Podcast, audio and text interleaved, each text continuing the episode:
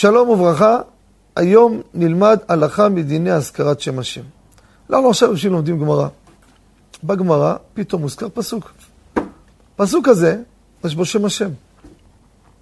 איך אנחנו מתמודדים בלימוד? האם נאמר השם, או נאמר את השם השם כצורתו? זה בדרך לימוד. אותו דבר בגמרא מופיע נוסח ברכה. על זה מבאר ברוך אתה השם, אומר, איך יאמר? ברוך אתה אדו או ברוך אתה השם? מה ההלכה?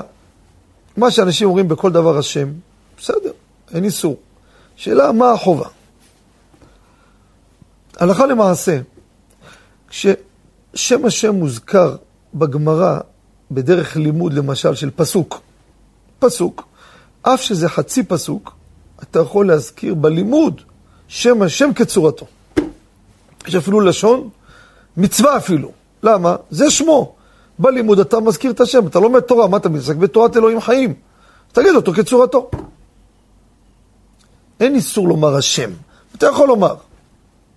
אבל אם השם השם מופיע בגמרא או בהלכה, הוא בא במטבע ברכה. מה זה מטבע ברכה? עכשיו מזכירים פה נוסח ברכה. או, נוסח ברכה בלימוד. ויש בו שם השם, שם, אה, זה בא בתור ברכה, יש איסור להזכיר שם השם. שם החובה לומר את המילה השם, לא יאמר עדו.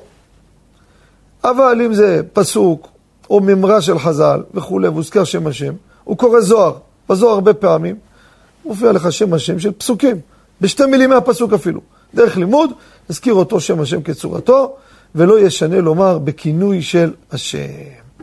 תודה רבה וכל טוב.